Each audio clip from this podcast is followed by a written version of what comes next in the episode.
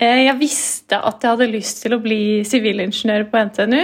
Og så ble det vel litt sånn elimineringsmetoden. Eh, jeg var ikke veldig glad i kjemi, så eh, da var det å luke ut alle som hadde kjemi, og så ble det kommunikasjonsteknologi. Jeg må vel innrømme at jeg ikke helt visste hva det var jeg begynte å studere. Jeg tenkte vel at som ingeniør så burde det gå ganske greit uansett. Velkommen til en ny episode av Voksenpoeng med meg, Nora Rydne, journalist i E24. Vi fortsetter å utforske studieområder, og i klippet her så hørte vi altså fra Anlaug, som er utvikler og software manager i teknologiselskapet Airthings. Hun har studert en av de eh, mange retningene som ligger under paraplyen eh, vi skal snakke om i dag, nemlig tekniske fag og naturvitenskap.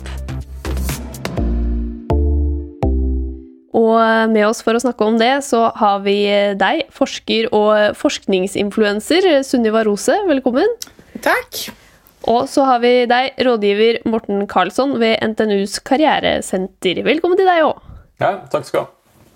Hva, vi må jo begynne med dette. Hva har dere utdannelse innen, Sunniva? Jeg har eh, studert fysikk ved Universitetet i Oslo. Så da begynte jeg på et eh, studieprogram som het eh, fysikk og astronomi. Tok en såkalt bachelorgrad. Fordypet meg videre da på master i kjernefysikk. Og så ble det til slutt også doktorgrad i kjerne- og energifysikk, heter det. Mm. Og hva med deg, Morten? Ikke noe så imponerende som Sunniva, akkurat. Jeg har en bachelorgrad i eh, pedagogikk og psykologi.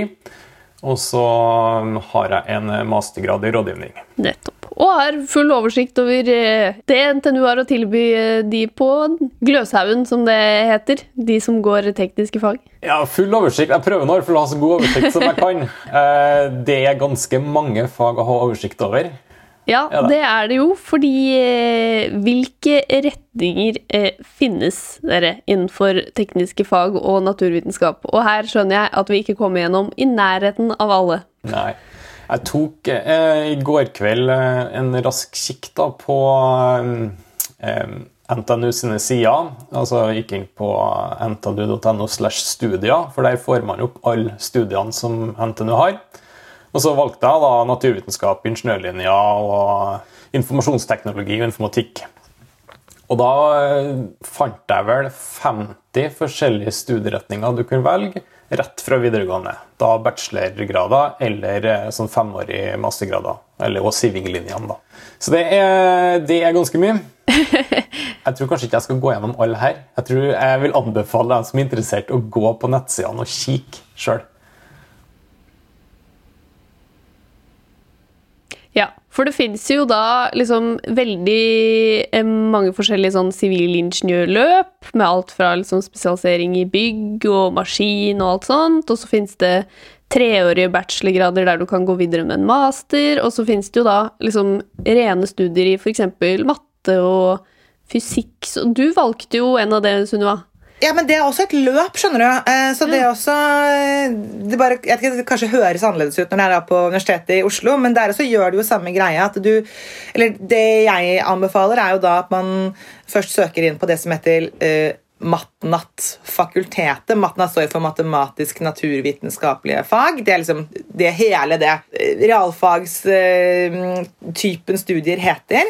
Og så kan du se liksom, Hvis man kanskje tenker at ja, nei, jeg lurer på noe biologi eller kjemi, f.eks., at man har noen tanker der, så, så går man på en måte videre nedover og ser på en måte hva finnes på da på Kjemisk institutt, hva finnes på, på biologi. Så, ja, så får, man kan bare få full oversikt der også over alle forskjellige studie, studieløp. Men de også er en sånn type pakke på samme måte som du har på NTNU. så er, man liksom, Hvis man har en idé om hva man vil, så er det greit å begynne å prøve å klikke seg den veien. Eller bare se, starte rett og slett trykke seg gjennom. Og så vet jeg at på UiO så har de laget noen uh, ganske fine videoer da, liksom, som, som, viser liksom, hovedretningen innen på en måte, hva er det fysikk handler om, hva er det biologi handler om. Og så, ja. Jeg er helt enig. Også, du, må, du må prøve å man må lete opp litt. Mm. Eh, gjerne hva som ligger bak titlene på de forskjellige studiene. Ellers så kan de kan det jo fort hende at oi, det her var noe litt annet enn det jeg trodde. Ja, for dette lurer jeg på, eh, for jeg gikk jo på NTNU, og da, jeg har en venninne som studerte fysikk og matematikk. Og hun valgte seg jo da videre på matte, og så videre til, til statistikk og meteorologi. Men hun ble jo sivilingeniør, så hva er egentlig liksom forskjellen på de sivilingeniørlinjene og det du har gjort, Sunniva, som har gjort at du har blitt eh, kjernefysiker? Vet du, Det lurer jeg på om kanskje Morten kan gi et bedre svar på, for det er jeg sannelig ikke sikker på helt selv. Jeg føler litt, litt sånn at uh, sivilingeniøren står som et sånn mytisk sånn uh, Og det er det NTNU som, uh, som har. Jeg vet at I gradsystemet i dag, da, som er bygget opp sånn med bachelor og master, så er jo sivilingeniøren altså et femårig studium som gir en mastergrad. Men hva som gjør at en sivilingeniør er en sivilingeniør, det ja, det, det, lurer jeg på, Morten. Helt klart. Ingeniørlinjene er jo veldig, de er jo ikke si, mer eh, arbeidsretta uten at det er et profesjonsstudium, da, for det er det jo ikke. Eh, ja. Men i forhold til da, en mastergrad i fysikk og matematikk, eh, så kan man jo kanskje si at de er likevel litt mer spissa inn mot noen type yrker. Ja, nettopp. Ja, fordi da er det kanskje Samtidig som de er kanskje ikke det heller. Nei, det samtidig som sånn, ja. de er ikke profesjonsstudier. Det er ganske viktig Nei. å huske ja, på. Altså. Sånn. Jeg tror kanskje Det viktigste med om man er sivilingeniør, er at man finner et sånn, veldig sånn fellesskap i andre som, eh, som, har gått på NTNU og er sivilingeniør. Det blir litt sånn klubb som du nevnte denne Ringen, som, ja. som, jo er en sånn når du får sivilingeniørgrad, så har man på en måte fått eh, rett til å kjøpe seg en ring som man kan vise andre at man, liksom, vi er i samme klubb, vi har gått på NTNU, og vi er sivilingeniører. Ja, det skal ikke jeg uttale meg noe mye om. jeg tror ikke Nei, men det, men det, er jo sant. Det er ikke noe, er ikke noe, feil, med, det, noe feil med det. Vi elsker jo, vi elsker jo sånne ting. Ja, Det fins flere universiteter som har ringer, har jeg registrert, men kanskje ingen som er liksom ja. like kjente som den NTH-ringen, da. Men uh... Nei, vi har ikke det på UiO, men jeg faktisk et, og det har jeg ikke gjort ennå, for det har jeg litt lyst til, men når man har tatt doktorgrad på UiO, så fins det en doktorgradsring. Oh. Uh, og det, den har jeg egentlig litt lyst til å kjøpe meg. Det kommer jeg på akkurat nå. Det har jeg glemt litt. Så det er en eksklusiv klubb. ja, det er ikke Doktorgradsringen burde jo henge enda høyere. Det er jo ikke så mange som tar doktorgrad. Men det har jeg faktisk inntrykk av da, på, av de sivilingeniørene. Så er det jo mange av de som går, de sivilingeniørene som er litt mer sånn matte og fysikk, kanskje i større grad begynner å forske. Mens at de som går på bygg, i større grad blir liksom byggingeniører og holder på med Kanskje bare det er et inntrykk jeg har? At det er litt forskjell på sivilingeniørlinjene også? Ja, altså forhold til dem som går eh, si, de naturvitenskapelige linjene, altså innenfor da, matematikk, fysikk, biologi, kjemi Jeg skal jo ikke si at de, alle blir jo ikke forskere. Eh, man har, det her er jo kunnskap som de sitter på, som er, har mange bruksområder og kan anvendes i stor grad på arbeidsplasser og tilpasses et ganske bredt Eh, fagfelt. Men det er, jo, det er jo en del som går videre til å ta doktorgrad. Og da forske etter det, kanskje forske i mot industrien og sånn som det der. Så har jeg også inntrykk av at de som tar doktorgrad i eh, type tekniske fag, blir fryktelig attraktive på arbeidsmarkedet også. Kanskje i motsetning til mange andre der det er litt sånn Har du doktorgrad? Ja, hva skal du med det i arbeidslivet? Mens i type IT, tekniske fag, naturvitenskap, så er det superettertraktet. Der er jeg faktisk litt mer skeptisk til det du sier, sier, nå. For jeg tror det er litt sånn tveget, tveget sverd. Og det er litt sånn trist fordi vi i Norge nok ikke har så mye tradisjon med doktorgrad, og på mange måter ute i arbeidslivet så vet man ikke helt altså Hva er liksom greia med det, egentlig? Så, så, jeg må si at jeg også faktisk eh, opplever litt at, at man på en måte i, ute i arbeidslivet med en doktorgrad, så blir det på en måte Det blir ikke sett på som at du egentlig kan noe mer. Du er bare egentlig en, en potensiell ansatt som har vært veldig lenge på universitetet, og dermed kanskje er det sånn at folk faktisk blir litt sånn Vil vi ha deg her? Du er nok veldig sånn eh, du har jo på en måte ikke vært ute i den virkelige verden eh, på et vis. At folk faktisk er mer skeptiske. Dessverre. Det kommer veldig mye på firmaet og hva er, ja, hva er deres eh, si, erfaringer med å tilsette veldig ja. høyt utdanna folk fra før. Okay. Ja, det, er- ja. Det, da er det jo i hvert fall Hvis du har kommet så langt at du tenker på doktorgrad, så eh, kan du ta med deg det. Men jeg lurer jo også på det med forskjellen på disse sivilingeniørlinjene og bachelorgradene innen ingeniør. Hva er forskjellen der? Eh, Det Forskjellen er jo at en, eh, en bachelorgrad og en master, et masterløp. Men kan vi si eh, Jeg hører jo at eh, et, en sivingløp eh, er teoretisk tyngre enn bachelorløpet. Iallfall det ryktene sier, da. Har jo, har jo ikke tatt de fagene her sjøl, så jeg kan jo ikke si at jeg vet det helt nøyaktig. Men eh, det er jo det jeg hører, at det er teoretisk tyngre. Eh, hvor kanskje bachelorgradene eh, som kommer fra gamle høyskolesystemet, kanskje er mer praktisk retta òg. Men sånn jeg har skjønt det, så er det mange som velger eh, å ta en bachelor istedenfor å gå rett på sivilingeniørløpet, fordi da, da har du en grad etter tre år, og så kan du velge å gå videre med en master. Men hvis du går på de femårige løpene og hopper av etter tre år, så har du jo ingenting. Da har du ingenting, nei. Det stemmer. Så jo da, og det, det var jo eh, og det var jo vanlig før òg, at man tok en eh, bachelorgrad fra da høyskolen i Sør-Trøndelag, og så søker man seg inn på en eh, da toårig master i på NTNU. Eller på UiO, eller hvor som helst. Eller på UiO eller UiB eller en annen utdanningsinstitusjon. Det er jo selvfølgelig. Um, men altså, bachelor i eh, si, matematikk eller bachelor i fysikk, det er jo, det er jo, ikke, det er jo alltid ligget på, på eh, universitetet. Så det er jo ikke noe Men det er de ingeniørløpene som kanskje er litt mer Nettopp, ja. Men eh, altså Det er kanskje litt viktig å måte få frem det siden vi snakker om de forskjell- at det er forskjellige Vi snakker ikke bare om NTNU, men hele, Hele landet. landet. At det er egentlig at det er måte når du, når du sa bachelorløp nå, så mente du altså det som altså Jeg, da, på en måte utenfra ser på som da det er et ingeniørløp, Ja. så er det viktig for så, eller de som sitter og hører på, som kanskje nå er veldig forvirret. liksom, hva, hva, hva, så på en måte, det, for det første, det er en stor forskjell på sivilingeniør og ingeniør. Det kan jo høres litt likt ut, men sivilingeniør er jo da dette femårige løpet, mens en ingeniør er kun et treårig løp.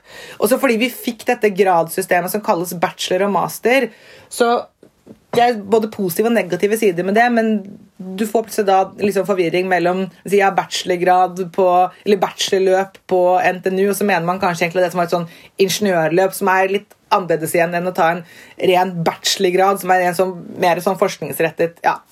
Det er det. Så- Det som er smart å sjekke, da, det er hvor mange studiepoeng de forskjellige fagene. Sånn i forhold til om du ønsker å bytte studiested, så er det, hvis du, da er det i forhold til å få eh, de tidligere tatte emnene godkjent inn i den nye utdannelsen din ved et annet studiested. Hvis det er, da må du sjekke at det er ca. tilsvarende antall studiepoeng. da.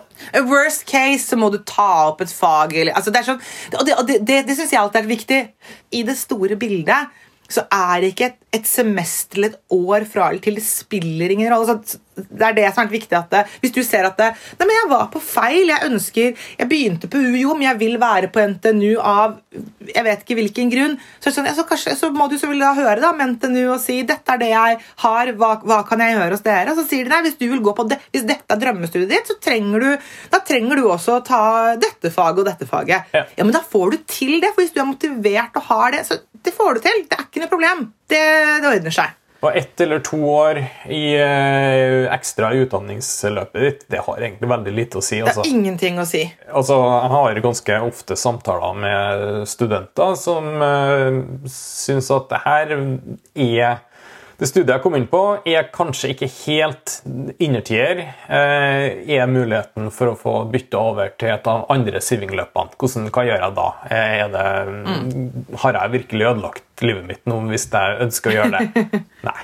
Det føles, men det føles Det føles sånn. Når man står midt oppi det, så kjennes det virkelig ut som at livet er helt ødelagt. Det gjør jo det, og det er jo det, det som er kjempetungt. Det må man på en måte bare vite at det, det er en veldig vanlig følelse mm. å ha. Jeg tror, uten da på en måte være rådgiver eller psykolog eller noe, men der, man er gjerne 18, 19, 20, 21 år. Du er på en måte, du har flyttet hjemmefra på en måte. Er du Ja. voksen, men så kjenner man at man er kanskje ikke så voksen allikevel. Altså, det er bare utrolig mange ting på en gang som skjer, da, som ikke direkte har med studiene å gjøre. Men ja, det, er, det kan være ganske tungt, og det er veldig veldig vanlig å føle det sånn.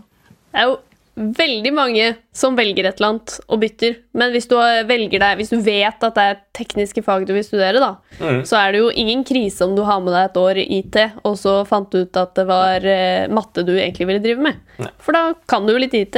Det er antakeligvis en styrke.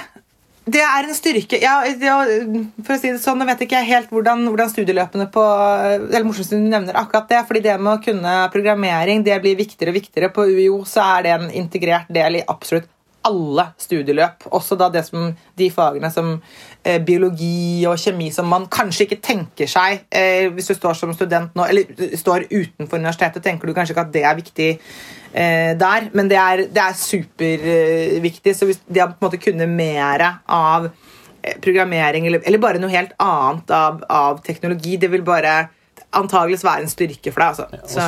Så matte, fysikk, kjemi så det litt sånn grunnleggende Det er jo eh, nesten hele førsteåret er felles for nesten samtlige sivingretninger på NTNU. Ja. Det er store deler som er helt likt. Det er ikke bortkastet å kunne ting. Nei, det er ikke bortkasta å kunne det, og da er det relativt greit hvis du bestemmer deg for at oi, det her var kanskje litt noe annet, jeg har lyst til å gå over det her. Ja. Ok, Da har du, da har du fremdeles satt fagene. Og det er ingen altså, Du har jo bare tilegna deg litt ekstra kompetanse innenfor noe. Men da lurer jeg jo på, eh, da har dere jo vært litt inne på det Hvis jeg bare har bestemt meg jeg, vil, eh, jeg er god på eh, realfag, jeg syns det er interessant. Men så fins det jo da 100 forskjellige ting. Det fins IT, altså masse forskjellige IT-linjer, informatikk, programmering. Det fins alle disse naturvitenskapene, fysikk, biologi, matte. Og så fins det disse liksom løpene, ingeniørløpene. Men hva helt sånn grunnleggende bør, jeg tenke meg om før jeg velger et teknisk studie? Hva, hva burde jeg være interessert i? Hva er helt avhengig av at jeg syns er gøy for at ett av de løpene skal passe meg? Du må jo synes at realfag er litt interessant, da.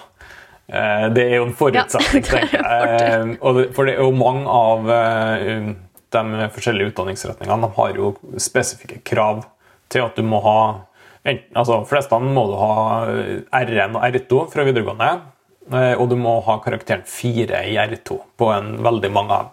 I tillegg så er det noe at du må ha gjerne fysikk 1 eller kjemi 1 i noen. Så det, du må jo først sjekke at du er kvalifisert for det du ønsker å ta, og så det andre er jo liker du fagene. Syns du det her er spennende? Se på utdanningsplanen. Hva er det som er i løpet av de tre årene her? Hva er det per semester?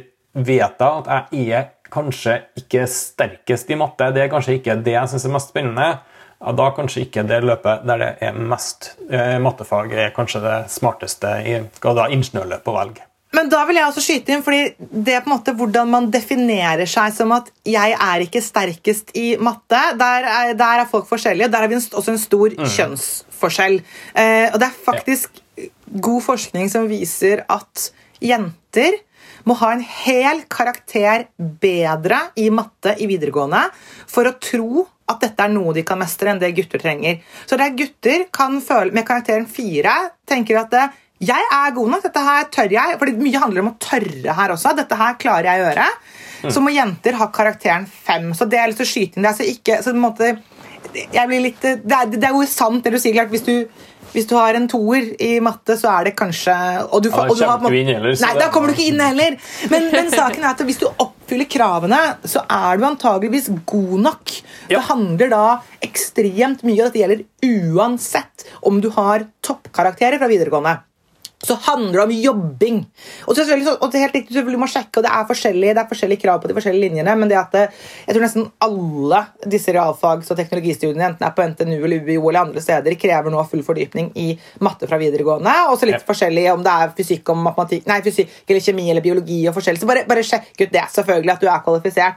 Men jeg tenker at en ting som, som jeg synes er viktig å si, er at uh, uansett hvilket studium du velger, det er veldig lite sannsynlig at du kommer til å synes at dette er kjempespennende hele tiden. Og du kommer nesten helt garantert til å slite og synes at dette er vanskelig og føle deg dum. Eh, det gjelder selvfølgelig ikke absolutt alle, men veldig veldig mange kommer til å gjøre det. Så det er viktig at du må ikke tenke at eh, nei, dette her var vanskelig, dette her var ikke som altså kan, Sånn som jeg, for eksempel, syns ikke matte var spesielt vanskelig på, på videregående og hadde toppkarakter derfra. Så jeg, på papiret kvalifiserte jeg for alle realfagsstudier i, i Norge, med både karakterer og hva jeg hadde. Men opplevde og syns at spesielt matematikken på universitetet var kjempevanskelig. Og virkelig slite med det. Og, og, det, og, og dette sier jeg ikke noe for å skremme vekk, men for da ser jeg fordi det som også da skjer når du kommer fra en videregående og på en måte har en sånn god selvtillit, og så begynner du å slite litt, så, du, så, så går selvtilliten din i stykker, og det gjør at det blir enda vanskeligere å få det til. for du, blir liksom, du bryter ned deg selv på et vis. da. Og det er greit å bare være klar over at det betyr ikke at du ikke er smart nok, det betyr ikke at dette her ikke funker for deg, men du må på en måte, du må kanskje lære deg å jobbe på nytt. Du må lære deg å noen ganger, Jeg pleier liksom å se liksom for meg at man er ute i en snøstorm, og er, og så, noen ganger må man bare komme seg igjennom ting. For det er liksom ikke en alternativ å bare legge seg ned og gi opp. Um, dette er ikke for å skremme, det er bare for å forklare at det er veldig veldig vanlig å oppleve det sånn som, sånn som det. da. Mm. Ja, du, du, har et veldig godt poeng der, synes jeg, for det er stor forskjell på videregående og universitet i hva man forventer, og hvilken arbeidsmengde du må legge ned i fagene. Altså, du må se på universitetsløpet som en jobb. Mm. Altså, det er snakk om eh, vanlig, altså 40 timers uke. Mm. Arbeidsuke. Altså, man må, man, det holder ikke å bare skli på, eh, skli på, kunnskap fra videregående. og så Gjorde du det bra der?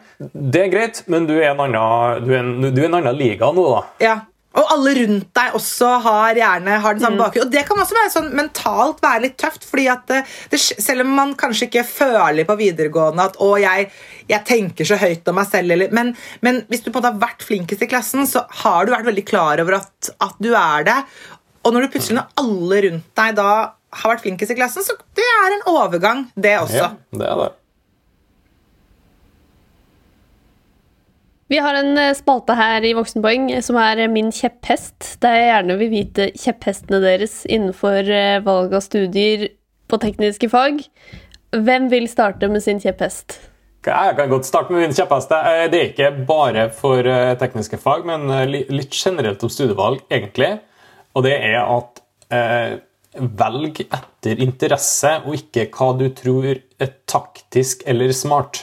Eh, og her er selvfølgelig folk fri til å være uenig med meg, og det er helt greit. Eh, men også, tanken min er at du skal jo studere det faget her i kanskje tre til fem år. Og det er, det er, tøft å studere noe du ikke syns er spennende, for kanskje å få en høythengende frukt i enden. da. Nå skal du jo jobbe med eh, fagområdet òg etterpå. Ja, kanskje tittel er fancy og lønna er god, men hvis du ikke trives veldig godt, så er det da verdt det. Det er litt sånn, eh, Men det sier jo litt om mine verdier, sånn kanskje mer egentlig. Men jeg, jeg bruker jo alltid å snakke, eh, spørre eh, studentene som er på veiledning til meg, hva, hva, hva er viktig for deg? Hva er, hva er, det som er viktig for deg? Hva vil du ha ut av det her? Så det er litt sånn Jeg tror det er mye enklere å gjøre det godt, og mye enklere å ha det flott på studiet hvis du velge noe som du syns er interessant og spennende. Så litt sånn oppsummert sånn eh, Vurder mulighetene dine med hjernen, og så velger du med hjertet. Det er litt sånn min kjepphest. Jeg har egentlig faktisk en kjepphest som går på litt av det samme, og jeg er da jeg er mye enig.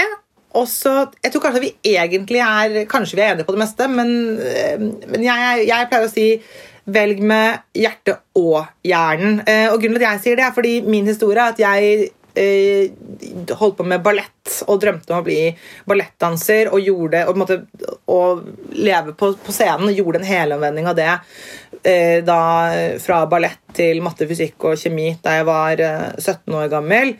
Eh, og, og, og, en av grunnene til at jeg gjorde det altså Noen ting er liksom, Jeg vet ikke helt, det bare skjedde, men jeg tror en veldig viktig del var at jeg begynte å tenke kan, altså Hvordan blir livet med, med, dette her? Kan jeg faktisk leve av det? Det man, som er viktig når man skal velge studier, uansett hva det er, det er det at det, det, det, er ikke sånn at selv om du har tatt et studium i Nordport universitet, så er det automatisk at samfunnet trenger så mange av akkurat det du har studert.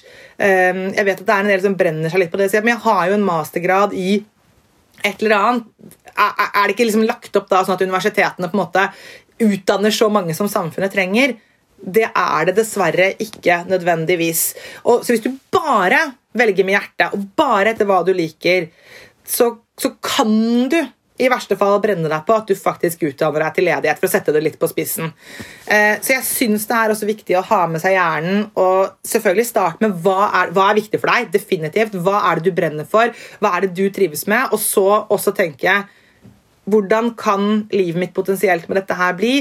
Tror jeg at dette her er noe som måte som samfunnet trenger? Eh, og da tenker jeg selvfølgelig ikke på dette med fancy tittel og sånne ting, men bare ja, er det noe som, som, kan gi meg en jobb? Fordi du blir ikke spesielt lykkelig i livet hvis du går rundt som arbeidsledig eh, heller. Så det å på en måte tjene nok til å kunne leve det livet du ønsker, er også utrolig viktig for å, for å ha et godt liv. da. Nå er det jo eh, selvfølgelig utrolig mange retninger eh, som vi har vært inne på, men er det noe overordnet du kanskje kan si, Morten, om hva man kan jobbe med hvis man har enten bachelor eller master i tekniske fag? Det er litt som det samme som hvordan studieretninger finnes det, for det er ekstremt mye. Eh, ja. eh, mange forskjellige utdanninger eh, kvalifiserer til mange forskjellige arbeidsoppgaver. Jeg kikka litt på hva NTNU har satt på noe av eh, nettsidene våre. Og, altså, forskning er jo en mulighet. Sagt, hvis du går den eh, retninga Sunniva har gjort med doktorgrad, så kan du jo fortsette videre enten innenfor akademia, eller du kan også jobbe i eh, forskjellige forskningsinstitusjoner. Ja, rådgivende ingeniør, entreprenører, utvikling av systemer, utstyr, utvikling av utstyr forvaltning, altså IT-konsulenter, eller du kan drive på med undervisning på altså høyere teknologisk undervisning da, enten på universiteter eller høyskoler. Det er jo bare noe av de mange mulighetene som fins. Eller så Veldig vanskelig spørsmål. Hva kan man få jobb som? Det er Det korte svaret er vel egentlig at man, eh, man, får jobb eh, med tekniske fag, eller? Ja. Det, det, altså vi NTNU hadde en kandidatundersøkelse som eh, vi gjennomførte i 2019, eller fikk svaret i 2019, og da var vel en konklusjon at eh, innen seks måneder så er det sånn ca. 80% av studentene som har fått seg jobb. Så det, det er jo selvfølgelig noe variasjon innenfor hvordan studiet går, men eh, det var i tallene er 80 pluss da har fått seg jobb innen seks måneder. Så jo da, du får deg jobb. Jeg tror noe av problemet men når vi skal snakke om måte, hva, hva, blir du, eller hva kan du jobbe som, som er en litt sånn utfordring eh, nettopp eh, pga. det Morten sier, at ja, det er så mye forskjellig. Og det, det kan også bli litt overveldende. fordi liksom, det er, ikke, altså, ja, det er så mye, det er på en måte ikke et svar. Eh, men det er det som er, er svaret. da, man, Jeg tror man ofte på en måte lettere tenker at ja, ja, men hvis du, hvis du studerer juss, så blir du advokat. Selv om selvfølgelig er masse forskjell du kan gjøre med juss, hvis du på en måte studerer medisin, så blir du lege. og Det er på en måte lettere å se for seg at det, man blir et eller annet, og så går man inn i en rolle. Eh, og, og, det er litt og sånn, sånn, er det ikke helt med realfagene. Da, fordi det, nettopp det er kjempemange muligheter, og, og, det er rett og slett det som er sant. Da. Så, men det også tror jeg både UiO og NTNU og sikkert de andre universitetene også har inne det som kalles sånne ja, kandidatundersøkelser, eller på en måte, eh, på en måte hvor det står mer ja, hva, hva, jobber, hva jobber en fysiker som altså dette er jo, Universitetene er jo opptatt av å sjekke hvor er det de som har studert hos dem, hvor er det de havner hen. Så det også kan man finne mer ut som er mer konkrete svar. da. Og da lønner det seg å gå, da lønner det seg å gå til det som er nærmest deg. Da. altså Gå til instituttet. Snakk med, eh, snakk med dem som sitter nærmest studieretningen din, for det er dem som kan gi deg best svar på det ofte. Men eh, altså, i forhold til det du altså, Det er jo et problem er jo feil ord å bruke, men eh, vi er jo drilla fra barndom av til å tenke eller svare på spørsmålet hva skal du bli når du blir stor? Ja. Mm. Så det er jo en tanke om at man må ende opp med noe konkret. Man blir noe, ja. Og det, det er litt sånn, Da fleipete sier jeg at du blir jo ingen verdens ting. Du får deg en grad, ja. og så er det opp til deg hvordan vil du bruke denne utdannelsen? Ja, for det er ganske i stor grad sånn at man får jobb som liksom junior, og så lærer man veldig mye på jobb, som ganske mange andre jobber, ja, vil jeg tro. Ja, ja, oi. Definitivt. Eh, utdannelse det er én ting, eh, og så er det eh, du, det du lærer i den jobben din, det er, det også masse som leder deg videre og kan ta deg innenfor andre fagområder og, eller andre felter som du kanskje ikke hadde tenkt på i utgangspunktet. Men er det noe sånn grunnleggende kunnskap man tar med seg fra tekniske fag som eh, er nyttig i arbeidslivet? Har dere noen tanker der? Ja, man tar med seg det å ta et stort, uh, stort sammensatt, komplekst problem, bryte det ned i mindre bestanddeler og forstå det, og så bygge det opp og finne en eller annen, altså analysere, finne en løsning. Og det er egentlig det det veldig ofte dreier seg om, uansett om det er staten som skal eh, finne ut et eller annet, eller om du skal lage et nytt program, en app, eller om du skal jobbe med oljeplattformen Nordsjøen, eller hva nå enn, så er det nettopp det at du har det, er, det er store, sammensatte problemstillinger. Og så lærer du deg hvordan, hvordan kan du på en måte rydde opp dette her og finne ut av, på en måte, finne svaret da, på, på, store problemer. Det vil jeg si, det er det du virkelig lærer som realist eller teknolog. Så du, du får egentlig en kjempestor verktøykasse, hvor noe av det går mer på den der liksom, å analysere problemet. Mens andre ting, som f.eks. Eh, programmeringen, er mer den derre Ok, nå skal vi løse problemet, på en måte finne ut av et eller annet. Og det går jo også veldig nå inn i måte, hypen rundt big data, kunstig intelligens, disse tingene, disse tingene her. Eh, så um, jeg tror, ikke, jeg tror ikke realisten og teknologene på en måte blir mindre viktige i tiden som kommer. da. Det er bra. Men Har dere noen tips da til eh, folk som uh, vurderer ulike linjer? Hvordan kan man på en måte se litt før man begynner, hva folk jobber med? Utover da, For jeg vet jo at det går an å sjekke på alle universitetenes sider. De pleier å være ganske bra. Men er det noe annet dere råder studenter til å se på?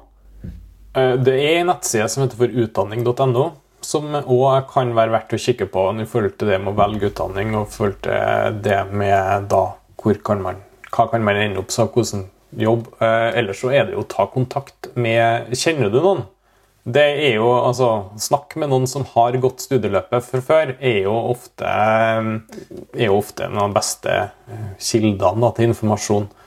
Hva gjorde du? Hva var det du gjorde for å komme hit? Hva er det du driver på med? Det synes jeg virker kjempeinteressant. Så oppsøk informasjon. Jeg lurer jo også på det eh, når du, eh, jeg kommer jo liksom fra samfunnsvitenskap, så jeg husker det som veldig sånn forvirrende å se på stillingsannonser.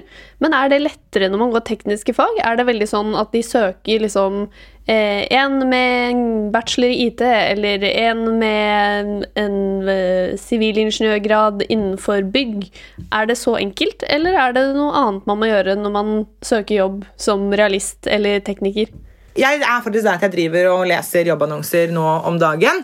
Og jeg kjenner meg egentlig igjen i det du, det du sier. Altså, at det er litt sånn eh, Det er mye som er uklart. Jeg tror jobbannonser er eh, og Det er sikkert noe du blir bedre og bedre på etter hvert å skjønne hva er det, hva er det egentlig de trenger her. Men, men også ved å snakke med de som skriver jobbannonser, så vet jeg at det er vanskelig på en måte det å konkretisere hva er det vi trenger akkurat, uh, akkurat her. Så det er jo typisk sånn ja, noen ting er mer sånn konkret, kanskje. At ja, vi trenger noen som kan programmere i dette språket. Det er veldig liksom konsist, men så er det mer sånn Vi trenger en som er analytisk, og som Ja, erfaring med ditt eller datt. Det er fint. Altså, det er sånn som det. Mm. Har du noen råd Morten, til hva man på en måte ser etter for å kjenne igjen sin kompetanse i en jobbannonse? Ja, altså Først må man jo være klar over sin kompetanse, og det er jo ofte det som er vanskelig. Ehm, hva kan jeg? Hva har jeg lært? Hva er det jeg skal få med meg ut av det studiet her? For det er altså, sjelden man sitter og reflekterer over det før man sitter i den situasjonen at Oi, her skal jeg skrive en, en søknad, eller jeg skal om Hva skal jeg si om meg sjøl? Eh, hva kan jeg? Kan jeg det her? Jeg vil jo egentlig tipse om at begynn å tenke litt allerede tidlig, og så se hva, hva, er det man, hva er læringsmålene. Og så er det litt sånn, eh, som Sunna sier, sånn konkrete ting. Altså, hva, hva Trenger du noe koding? Er det noe, så står det at du må kode i Må du kunne bruke Matlab på Python, C pluss et eller annet sånn eh, språk? Kan jeg noen av dem? OK, ok, check, liksom. Ja, I forhold til det å lese stillingsannonser, så da bruker jeg å anbefale å tenke på det som en eksamen. At hvert punkt i, der det står egentlig under både arbeidsoppgaver og kvalifikasjonskrav, det er et punkt i en eksamensoppgave som bør besvares. Mm. Og så ta for deg det de spør etter konkret. Mm. I den grad det lar seg konkretisere, da. Nettopp. Men er det enklere med, med det vi var litt inne på med en bachelorgrad? Eh, kanskje da spesielt de bachelorgradene innenfor eh, ingeniør. At du f.eks. har bachelor i eh, data, altså dataingeniør-bachelor, eller eh, byggingeniør-bachelor. Er det enklere, sånn at det, det er mer konkret, eller er det bare et inntrykk jeg har? Nei, Jeg tror ikke det er det. Eh, Ofte så, er det, så søker de jo enten etter da en bachelor i et eller annet ingeniørfag, eller så sier de at det er krav om master eller en fordel med master. Og så er jo mye ellers det samme. Eh, Vi søker etter en som kan det her, som kan jo jobbe med det her, eh, har kanskje erfaring med det. Da må du jo gjerne da, da er det jo ikke nok med kun utdannelse. Da er det gjerne noe du har fått enten via sommer- eller deltidsjobber, eller kanskje du har vært fått deg et internship eller et eller annet sånt. Eh, så det er jo det, det er jo egentlig å lese en stillingsannonse. Det, jo, det krever bare litt trening. Og så er det jo kanskje en fordel eh, å ha skrevet noen eh, søknader fra før. Og det får du bare til ved å begynne. Ja, og ikke vent. Ikke vent til man er ferdig med graden før man begynner å søke. Nei, fordi det er jo fint for de som studerer realfag og teknisk fag, at mange av dem faktisk eh, er kvalifisert til sommerjobber. eh, Som er relevante for studiene. Ja, ja, det er veldig viktig. Det, for det det er jeg så vant til. Jeg har ikke tenkt over at det på en måte er en greie engang. Men hvis du ønsker deg eh, sommerjobb som, som er liksom en kvalifisert sommerjobb som student på realfag på, på UiO, så er det masse masse muligheter. Og, og eh, altså de legger ut eh, masse med det, og det er jo det er jo veldig lurt å ha hatt en sånn type eh, sommerjobb, internship, sånn som det. Og det er jo også noe som igjen da mange bruker jo det videre da, til at det er der de gjerne har sin første jobb etter, eh, etterpå. Men, men eh, store bedrifter som f.eks. om det er Equinor eller McKinsey, eh, bare for å ta to forskjellige eksempler, de, de gjør seg god nytte av, av realfagsstudenter faktisk i, i sommerjobb. da. Og det kan jo kanskje være en idé og, som er, gjør det litt enklere for eh, naturvitere og teknikere enn for mange andre studieløp. At du kanskje kan se litt sånn Ok, dette firmaet har jeg sykt lyst til å jobbe i. Hvilke sommerjobber har de? Kanskje jeg kan bruke det til å finne min retning? Det er jo, kjempe, det er jo kjempelurt. Da får du på en måte testet ut litt, selv om selvfølgelig man må alltid være åpen for at en sommerjobb mens du er student, det er selvfølgelig ikke det samme som på en måte faktisk ha en fast stilling Nei. der, men det er jo allikevel masse fornuftig informasjon du kan få ut av å gjøre en sånn ting. Ok, en liten oppsummering her av et veldig stort felt. Hvis du vurderer tekniske eller naturvitenskapelige fag, ikke vær så redd for å velge feil. Det gjelder jo veldig mange studier. Men tar du et år med IT og finner at du heller vil holde på med biologi, så skader det jo ikke at du har kunnskap eh, fra et annet studie, selv om det føltes feil. Mange ingeniør- og tekniske utdannelser har ganske like førsteår også, så Ofte så går det første året med på å drive med mye matte og koding, så det kan være ganske enkelt å bytte også, men da må du selvfølgelig sjekke med universitetet. da. De kan ofte hjelpe deg veldig bra.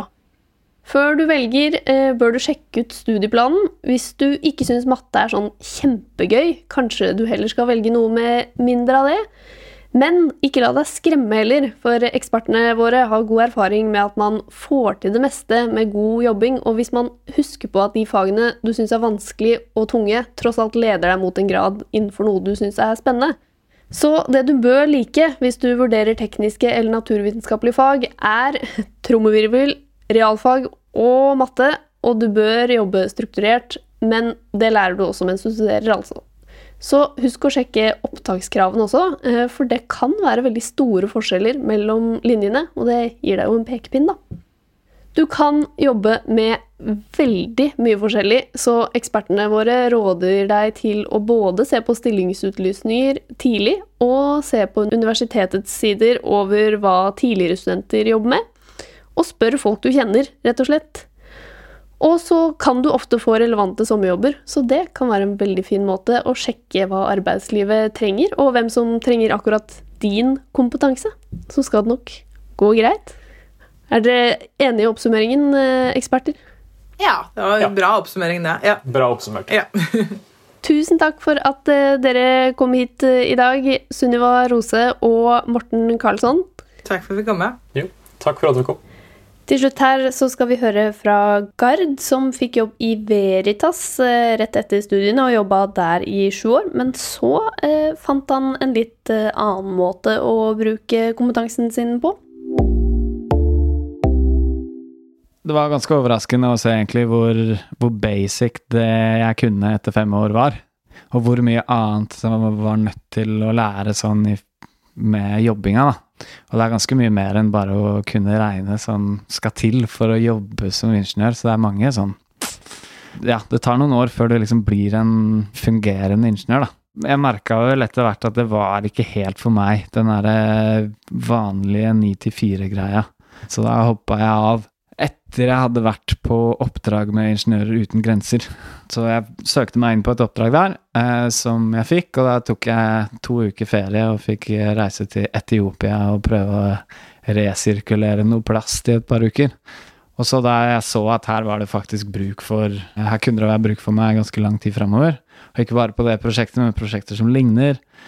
Og det at det å ha en sånn der gjennomgående ingeniørkompetanse inn i et sånt type bistandsprosjekt, da, det var fordelaktig. Så da slutta jeg på jobben og begynte for meg sjæl. Ja, nå sitter, nå sitter jeg her og prøver å finne ut av hvordan jeg skal feste en sykkel fast i en plastrive. Det er litt sånn det funker. Produsent i dag det var Sunniva Glessing. Og hvis du vil ha mer innhold fra denne sesongen og ja, alle de tidligere sesongene, så må du gå og følge oss på Instagram. Der heter vi Voksenpoeng med Nora.